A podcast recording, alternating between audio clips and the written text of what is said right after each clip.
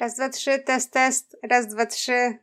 Cześć. Witajcie. Odcinek 64, podcast Malks. Stwierdziłam, że nagram dzisiaj dla Was odcinek kolejny z cyklu Prawdziwe Historie. Wiem, zazwyczaj nie nagrywam aż tyle odcinków pod rząd z tego cyklu, daję Wam trochę odpocząć, odetchnąć od tych historii, ale padła mi w oko i w ucho sprawa dwóch młodych dziewczynek, kuzynek, Lyric i Elizabeth, i nie chciałam czekać z tą sprawą. Chciałam ją wam po prostu opowiedzieć. Dziewczynki niestety zna zostały znalezione martwe, ale do tej pory sprawa jest nierozwiązana. Nie wiadomo dlaczego padły ofiarą morderstwa, kto to zrobił i nadal szukamy odpowiedzi. Także standardowo zapraszam na jingle, a po jinglu zajmiemy się szczegółami.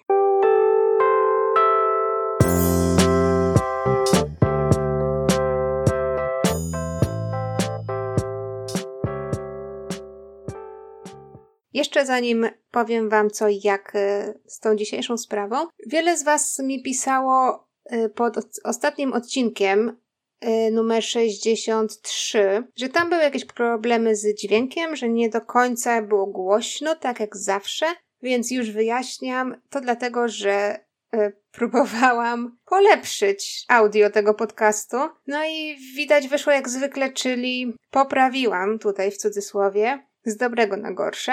Także ten odcinek dzisiejszy montuję tak jak montowałam wcześniej, więc nie powinno być żadnych problemów z jego odsłuchem. Ale nie zrażajcie się, naprawdę się nie zrażajcie. Ja ten odcinek wcześniejszy, 63, oczywiście słuchałam przed puszczeniem go w eter i wszystko było w porządku.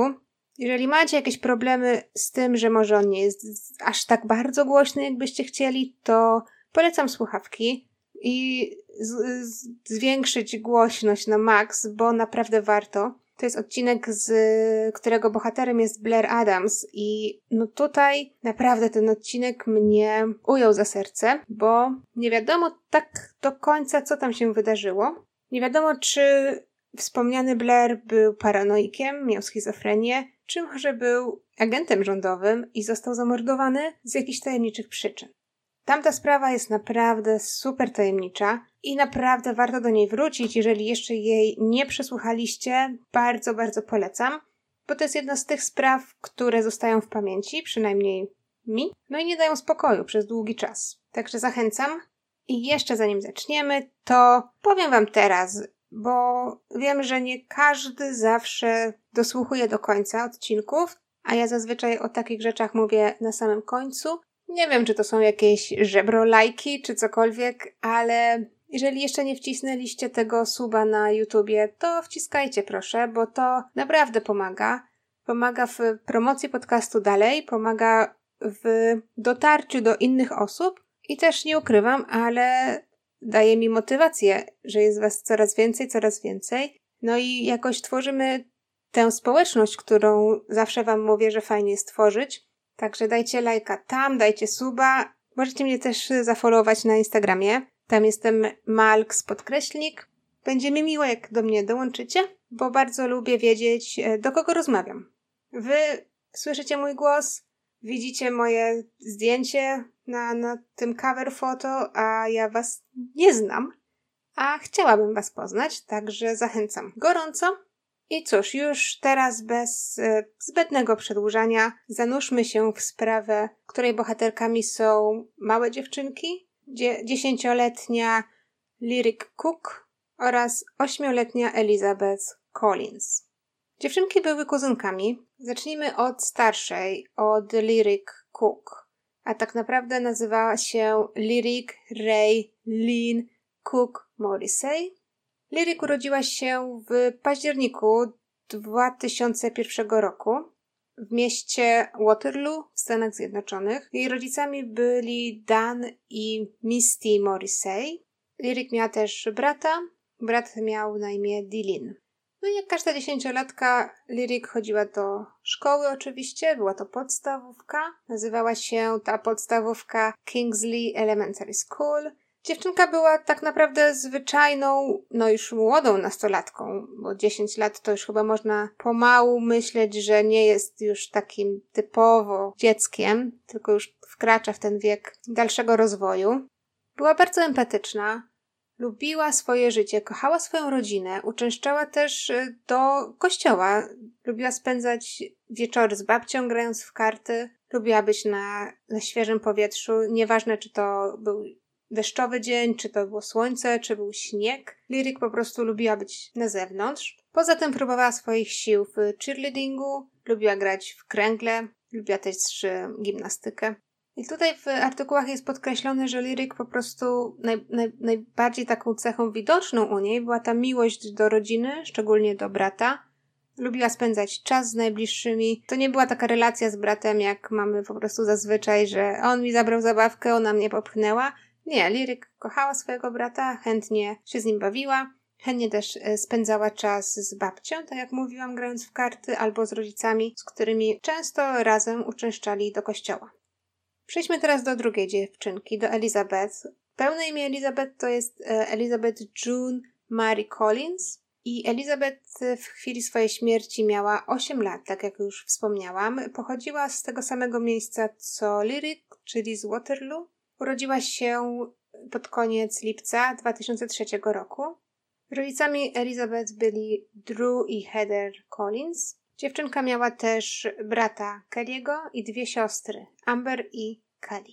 Jeżeli chodzi o to, jaka była Elizabeth, no to tak jak y, swoja kuzynka, Lyric, Elizabeth była no po prostu zwykłą dziewczynką, uczęszczała do podstawówki, lubiła, cieszyła się życiem. Mówili, że była ciągle uśmiechnięta, lubiła się stroić, lubiła malować paznokcie, robić włosy. Poza tym uwielbiała śpiewać, jeździć na rowerze, grała też w hokeja i w softball i najbardziej kochała zwierzęta. Elizabeth lubiła też podróżować oraz y, jednym z jej hobby było po prostu leżenie w łóżku, jedzenie popcornu i oglądanie filmów. Także sami słyszycie, że do tej pory to wszystko brzmi bardzo normalnie, jak bajeczka prawie, że obie dziewczynki były grzeczne, kochały swoje rodziny, kochały swoje życie ich rodziny też były tymi normalnymi rodzica, rodzinami, e, co rzadko się zdarza może w takich historiach, bo ostatnimi czasy opowiadałam wam historię, gdzie rodzice no niestety nie byli tymi wzorowymi rodzicami, albo gdzieś były jakieś rozwody, albo jakieś kłótnie, albo w ogóle wręcz e, no, znęcanie się nad, nad dziećmi. Tutaj niczego takiego nie było.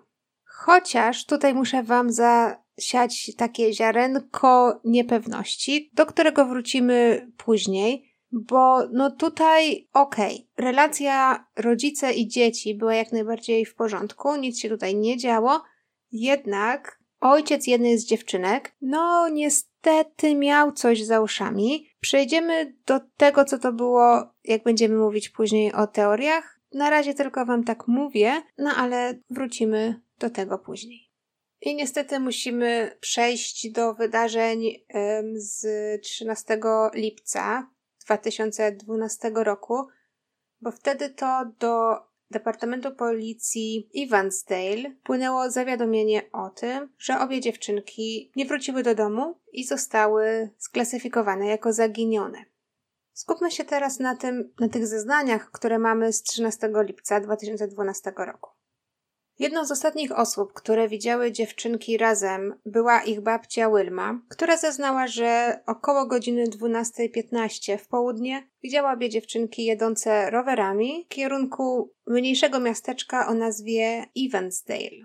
Później ktoś zeznał jeszcze, że widział obie dziewczynki pomiędzy godziną 12.30 a godziną 13 przy jeziorze o nazwie Meyers Lake, które nie było tak daleko od miejsca zamieszkania obu dziewczynek.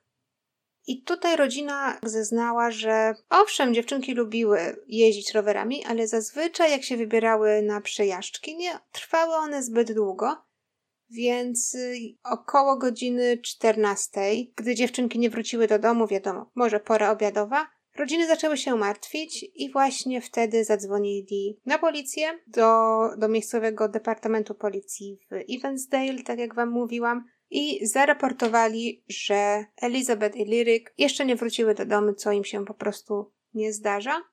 Evansdale to jest małe, mała mieścina, że tak powiem. Blisko 5 tysięcy mieszkańców, więc podejrzewam, że takie sprawy tam zostały po prostu potraktowane bardzo, bardzo serio.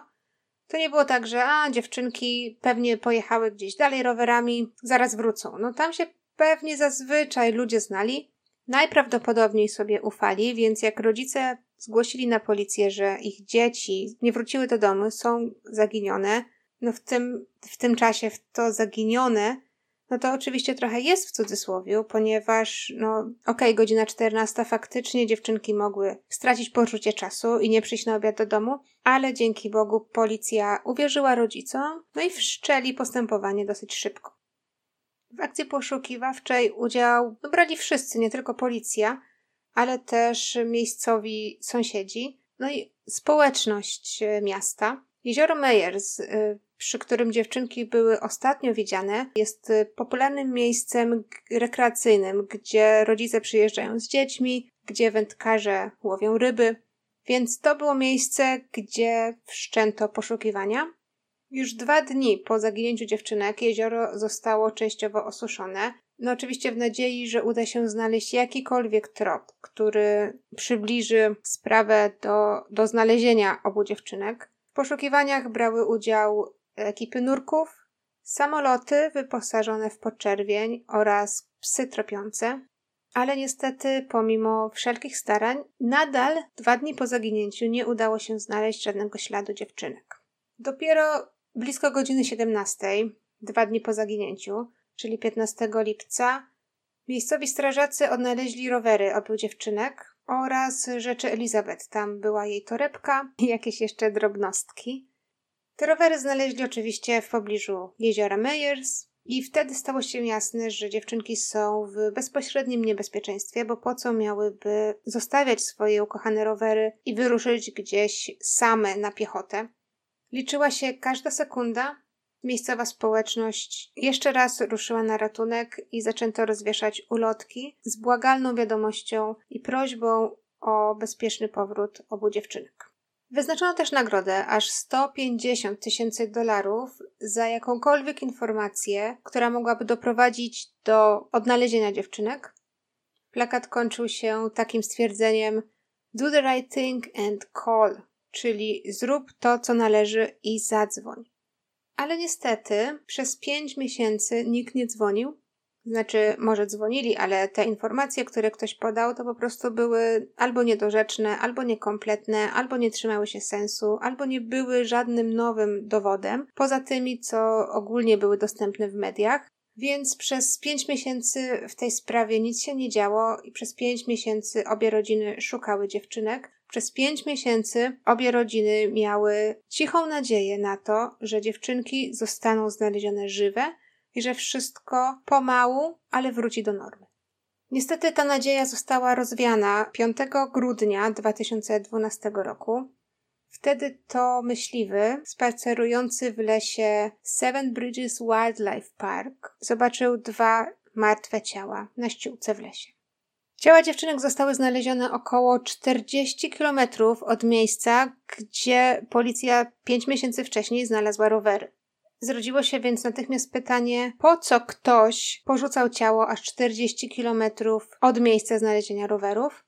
Dlaczego nie wziął rowerów i nie porzucił rowerów razem z ciałami? Czy ktoś zabił dziewczynki na miejscu i później po prostu zawiózł te 40 kilometrów do parku, żeby je tam porzucić? Czy może najpierw je wziął? Dziewczynki były żywe? Pojechali 40 kilometrów od miejsca porwania z jakiegoś powodu, no i tam dziewczynki po prostu zostały zabite. Te wszystkie pytania kłębiły się nie tylko w głowach rodzin, ale też w głowach policji. Do tej pory władze jednak nigdy nie ujawniły, w jaki sposób dziewczynki zostały zamordowane i dokładnie kiedy. Ukrywają te informacje, ponieważ no, jest to dosyć powszechna strategia dochodzenia, która pomaga uniknąć fałszywych zeznań. Wiadomo tyle, że ten park, w którym znaleziono ciała, czyli Seven Bridges, Znajduje się w dosyć odizolowanym miejscu. Jest tam tylko jeden znak wskazujący jego istnienie.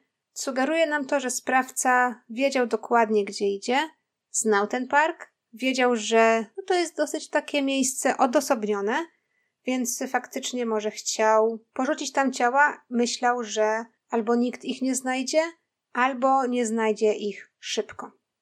No i niestety sprawa utknęła w martwym punkcie aż do 24 czerwca 2013 roku, czyli dopiero 6 miesięcy po odnalezieniu ciał dziewczynek, a prawie rok po ich zaginięciu. Na policję zgłosiło się wtedy aż trzech świadków, którzy nie byli ze sobą powiązani. Trzej świadkowie twierdzili jedno i to samo, że na Arbutus Avenue, która styka się ze ścieżką rowerową w pobliżu, gdzie zostały znalezione rowery dziewczynek, na tej Arbutus Avenue w dniu zaginięcia dziewczynek zaparkowany był biały SUV, podobny do Chevroleta Suburbana albo Forda Bronco. Zeznania tych trzech świadków policja uznała za spójne, ponieważ wszyscy mniej więcej podawali ten sam przedział czasowy. Mówili, że samochód był zaparkowany w tamtym miejscu pomiędzy godziną 11.30 a 12.30, co by też zgadzało się mniej więcej z godziną, gdzie dziewczynki były ostatnio widziane, ponieważ one były widziane ostatnio przy jeziorze pomiędzy godziną 12.30 a 13.00. I tu oczywiście od razu pojawiają się pytania, dlaczego ci świadkowie czekali prawie rok na ujawnienie tych informacji. No i wtedy niestety, ale policja zaczęła przeglądać swoje raporty, żeby zobaczyć, co tam się stało. I źródła ujawniły, że dwóch z tych trzech świadków rzeczywiście zgłosiło się wcześniej na policję podczas wstępnego dochodzenia, a trzeci świadek czekał kilka miesięcy, ponieważ zakładał, że ktoś już wcześniej złożył ten sam donos. No i tutaj wiem, co myślicie? Myślicie sobie cholera. Było tak blisko. No, faktycznie, jeżeli policja by przyjrzała się bliżej temu, temu samochodowi, temu suwowi, zgłoszonemu przez dwóch świadków, zaczęła może ten trop jakoś drążyć, może faktycznie coś by się zadziało. No i tutaj też nauczka tego trzeciego świadka, że, że nie trzeba czekać, nie trzeba zakładać, że ktoś już coś powiedział takiego samego, bo przecież było tam mnóstwo ludzi, to było jezioro, ładny dzień. Pewnie ktoś już powiedział, nieważne. Wystarczy iść, powiedzieć, co się widziało, może jakiekolwiek, zawsze jakakolwiek jedna informacja, jakiekolwiek strzępki chociaż informacji są potrzebne, i nigdy nie wiemy, co nas doprowadzi do tego, aby policja mogła rozwiązać daną sprawę. Oczywiście policja zbadała ponad y, tysiąc tropów i setki zarejestrowanych przestępców seksualnych, ale niestety sprawca nie został zidentyfikowany. Spytacie teraz, co z rodzicami? Ano, jeżeli będziecie grzebać w tej sprawie, możecie znaleźć artykuł z gazety o tytule The Gazette co znajdziecie w tym artykule, to tyle, że Dan Morrissey, czyli ojciec dziesięcioletniej Lyric, został swego czasu oskarżony o napaść na swoją żonę, Misty. Gazeta też podała, że przeciwko Danowi są też oskarżenia, które mówią, że jest y, posiadaczem narkotyków. Mało tego, nie tylko jest posiadaczem, ale też handluje i produkuje metamfetaminę. Tutaj, jeżeli chodzi o ten pierwszy zarzut, czyli napaść na żonę, zarówno Misty, jak i Dan poddali się wykrywaczowi kłamstw i policja odrzuciła w ogóle ten ślad, jako że ta para jest w jakikolwiek sposób zaangażowana w zaginięcie oraz morderstwo dziewczynek. Jeżeli chodzi o narkotyki, wrócę do tego wątku, jak później będziemy mówić o teoriach. W międzyczasie behawiorysta z FBI opublikował profil sprawcy. No i tutaj niestety nie dowiadujemy się niczego nowego. To są raczej takie ogólniki, na które ja i ty pewnie byśmy i tak wpadli, ale przytoczę wam. E, tutaj mówią, że sprawca najprawdopodobniej znał zarówno jezioro Meyers, tam gdzie zostały znalezione rowery oraz tam, gdzie dziewczynki były widziane ostatnio żywe, jak i też ten park Seven Bridges. No, okej, okay, dobra. Tak jak już Wam mówiłam, powiedzieli, FBI powiedziało, że sprawca musiał znać ten park Seven Bridges, ponieważ wiedział, że to było miejsce odosobnione, o którym nie wiedziało dużo ludzi, no ale no, to już jakby było powiedziane. Jeżeli chodzi o sprawcę, to sprawca lub sprawczyni, bo do tej pory nie wiemy, czy to była kobieta, czy to był mężczyzna, także ta osoba najprawdopodobniej ma taki, nie wiem, czy to można powiedzieć jako jaką umiejętność, ale dobrze wtapia się w otoczenie i w społeczność. Najprawdopodobniej też sprawca nakłonił dziewczynki tak, takim drobnym przymusem. Użył najprawdopodobniej podstępu lub groźby, aby nakłonić obie dziewczynki do tego, aby z nim poszły.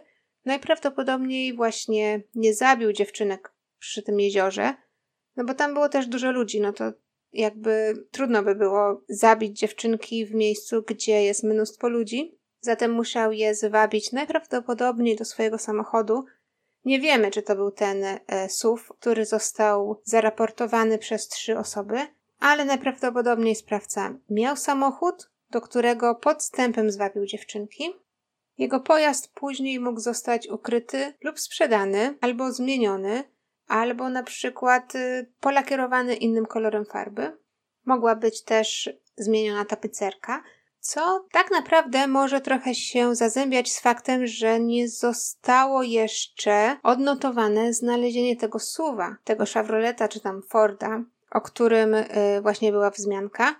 Prawdopodobnie, no mówię, albo go sprzedał, albo go jakoś zmienił, polakierował, dlatego ten ślad, który no niestety, ale został odnaleziony dużo za późno po zaginięciu dziewczynek, no to to chyba jest taka już y, martwa zagadka, jeżeli tak mogę powiedzieć, bo najprawdopodobniej ten samochód już nigdy nie zostanie odnaleziony. E, co jeszcze na temat sprawcy? FBI tutaj mówi, że sprawca mógł być w stresie związanym z problemami albo małżeńskimi, albo finansowymi, albo problemami z pracą. Mógł być też nawet podejrzany, znaczy jest nawet podejrzany o prawdopodobne problemy natury psychicznej. I sprawca mógł też w przeszłości niestety próbować uprowadzić inne dzieci lub nawet osoby dorosłe, ale najwyraźniej unika rozmowy o tej sprawie. Także nikt ze śledczych nie ma nadziei, że, że, że sprawca gdzieś tam będzie się interesował tą sprawą. Raczej woli być taki low-key i, i przeczekać. No, no co już czeka parę lat. Na razie mu się to udaje, także widać, że no, jego strategia działa. W artykułach jest też wzmianka, że w lutym 2015 roku odbyła się konferencja prasowa w ratuszu w tym mieście Evansdale. Szef policji na tej konferencji powiedział, że władze koncentrują się na poszukiwaniach osoby lub osób, które są bardzo zaznajomione z tym parkiem, w którym zostały znalezione ciała dziewczynek. Szef policji wygłosił przemówienie i apel do społeczeństwa, i tutaj znalazłam informację z telewizji WHO TV, która mówiła, że to, to była to informacja z 2016 roku, i mówili, że śledczy nadal otrzymują wskazówki w sprawie dziewczynek, w sprawie kuzynek.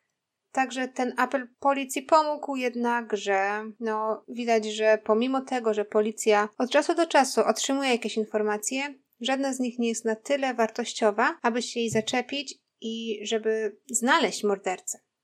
I tutaj będziemy już powolutku przechodzić do teorii. Na początek może jeszcze mm, wspomnę, że Niestety, ale rodzice Elizabeth, czyli tej młodszej dziewczynki, Drew i Heather Collins, rozwiedli się w międzyczasie, ponieważ no, sprawa zaginięcia oraz zabójstwa dziecka no, wiąże się z ogromnym stresem i widać nie każda relacja może przetrwać aż takie obciążenie, więc no niestety zdecydowali się na rozwód.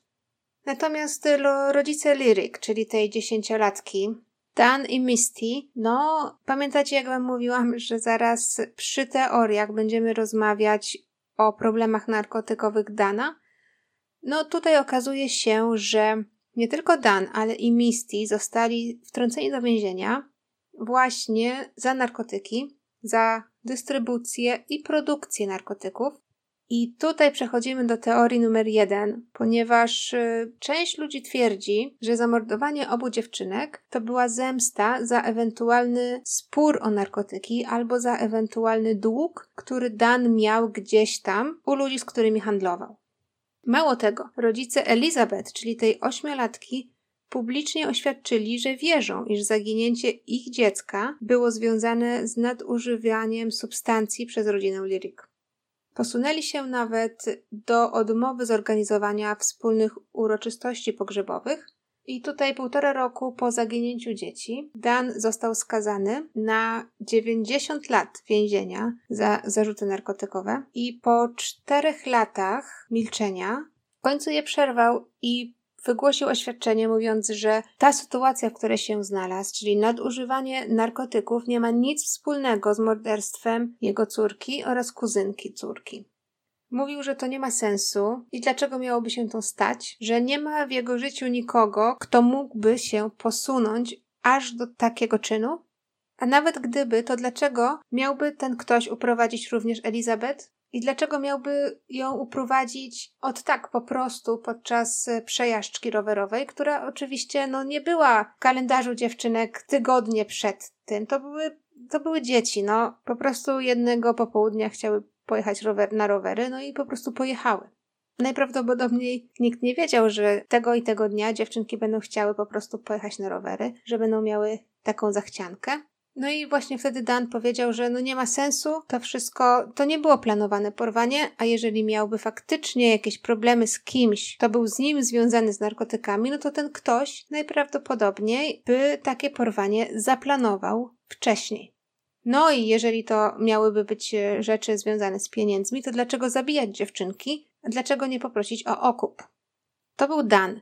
Natomiast jego żona, Misty, też została e, wtrącona do więzienia. Skazana została na 10 lat za zarzuty narkotykowe, ale wyszła na wolność jakoś rok po tym, jak została skazana. Misty twierdzi, że od czasu bycia w więzieniu przewartościowała swoje życie, Mało tego, ponownie się zakochała i urodziła kolejną córkę, Abigail, która pomogła jej żyć na nowo i odzyskać e, spokój i cel w życiu. Natomiast e, Misty twierdzi również, że nadużywanie narkotyków było wynikiem radzenia sobie z bólem spowodowanym zniknięciem jej córki. Mówi także, że żałuje przeszłości. Teoria numer dwa mówi, że sprawca odpowiedzialny za zabójstwo Liryki Elizabeth może być też odpowiedzialny za inne zabójstwo.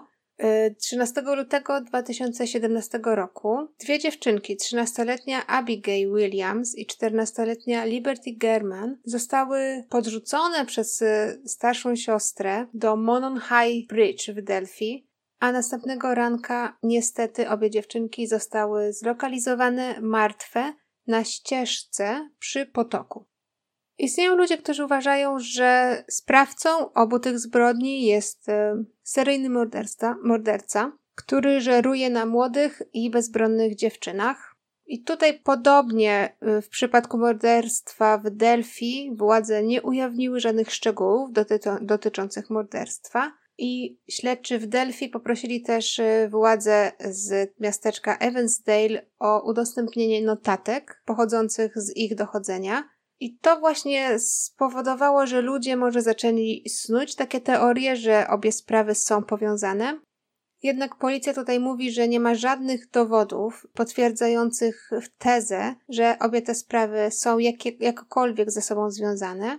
Poza faktem, że w obu przypadkach, no niestety, morderca zabił dwie dziewczyny, nie ma żadnego innego podobieństwa. Jest też trzecia teoria, która mówi, że to było morderstwo z przypadku, że po prostu morderca zobaczył okazję. Dwie młode dziewczynki, same, bez opieki, skorzystał, porwał dziewczynki, potem zabił tak jak mówię, nie wiadomo, czy dziewczynki zostały zabite zaraz po porwaniu, nie wiadomo, czy zabójca je zgwałcił albo w jakikolwiek sposób, nie wiem, pobił czy przetrzymywał, bo policja nie ujawnia takich informacji. No ale mamy trzy teorie. Pierwsza teoria z narkotykami, druga teoria z seryjnym mordercą, a trzecia teoria z morderstwem z przypadku. Jednak e, nie chcę zostawiać Was e, w takim przygnębiającym nastroju. Istnieją dobre rzeczy, które się zadziały, które wynikły z tego morderstwa. Przede wszystkim tutaj wielkie wyrazy podziwu dla społeczności, która zgromadziła się w oku zamordowanych dziewczynek. Przede wszystkim członkowie społeczności zorganizowali czuwanie przy świecach nad jeziorem Meyers, czyli tam, gdzie zostały znalezione rowery dziewczynek. Przybyło na to czuwanie tysiące osób, aby złożyć hołd i wyrazy szacunku i ubolewania nad tą sprawą. W 2013 roku urzędnicy ogłosili, że szlak i park nad jeziorem Meyers zostaną przemienione i przekształcone e, w szlak znany Szlakiem Aniołów oraz w Park Aniołów, żeby uczcić e, dziewczynki. Parku znajduje się też pomnik e, poświęcony zaginionym osobom, a miasto ogłosiło dzień 13 lipca, czyli dzień zaginięcia dziewczynek, jako dzień Lyric i Elizabeth, Zostały też organizowane setki przejazdów rowerowych, żeby uczcić e, pamięć dziewczynek. Także zostało wygłoszone oświadczenie, wydaje mi się, z tego co pamiętam, do rodziców, którzy zostali poinformowani o tym, żeby w razie czego dla bezpieczeństwa swoich dzieci może mieć jakiś taki sygnał lub wyraz taki tajemniczy, który tylko wy i wasze dzieci będziecie wiedzieć. Czyli na przykład imię nieistniejącego psa, albo ulubiona zabawka, cokolwiek. Jeżeli twoje dziecko jest w niebezpieczeństwie, żeby jakoś pamiętało, żeby wspomnieć, na przykład Max, czyli, czyli imię psa, bardzo popularne, i ty wtedy wiesz, że nie ma ciebie w pobliżu twojego dziecka, ale na przykład jesteś połączona telefonem i to dziecko mówi, no, Daj Maxowi wodę, bo zapomniałem. A ty wiesz, że coś się dzieje, że jest jakieś niebezpieczeństwo i że trzeba reagować. Takie tra- tragedie, no widzicie, nie przywrócą dziewczynek, ale przynajmniej uczczą ich pamięć i może będzie to prewencja dla następnych podobnych morderstw. Nie wiem, w którą teorię wy wierzycie. Czy to teoria pierwsza związana z narkotykami, czy teoria z seryjnym czy teoria z tym takim morderstwem z przypadku. Ja myślę, że nie wierzę w teorię pierwszą, powiązaną z narkotykami, bo faktycznie to, co mówił ojciec dziewczynki Dan, ja, ja to wie, wierzę mu. Po co miałby ktoś zabijać dzieci, zamiast prosić o okup? I to wszystko też wydawało się przypadkowe. To była przypadkowa przejażdżka rowerem. Jeżeli ktoś faktycznie próbowałby porwać dziewczynki, lub w tym wypadku Lirik, czyli, czyli e, córkę Dana, no to może chciał, chciałby to zrobić z jakimś planem, na przykład w drodze do szkoły, e, na zajęciach gimnastycznych, no cokolwiek. Bardzo możliwe, że to był seryjny morderca. Ludzie w internecie też piszą o tym, że to połączenie sprawy ze sprawą Delphi jest y, bardzo podobne. Jeżeli chcecie, to, to sprawa Delphi jest naprawdę szeroko omawiana w internecie, więc możecie sobie zerknąć. Może jest jakiś podcast albo wideo na YouTubie. Mam stuprocentową pewność, że jest, jest ich mnóstwo, także możecie sobie zerknąć i wykształcić swoją własną opinię. Dajcie znać, a może słyszeliście o tej sprawie wcześniej i może jest jakaś teoria, do której ja nie doszłam, a która jest y, prawdopodobna? Dajcie znać w komentarzach, tak jak zawsze najlepiej na YouTubie, bo tam można komentować. I cóż, do następnego razu życzę Wam standardowo udanego dnia, jeżeli słuchacie rano, oraz wspaniałego wieczoru, jeżeli słuchacie popołudniem. Do następnego rano. Do następnego razu, do usłyszenia, buziaczki, pa!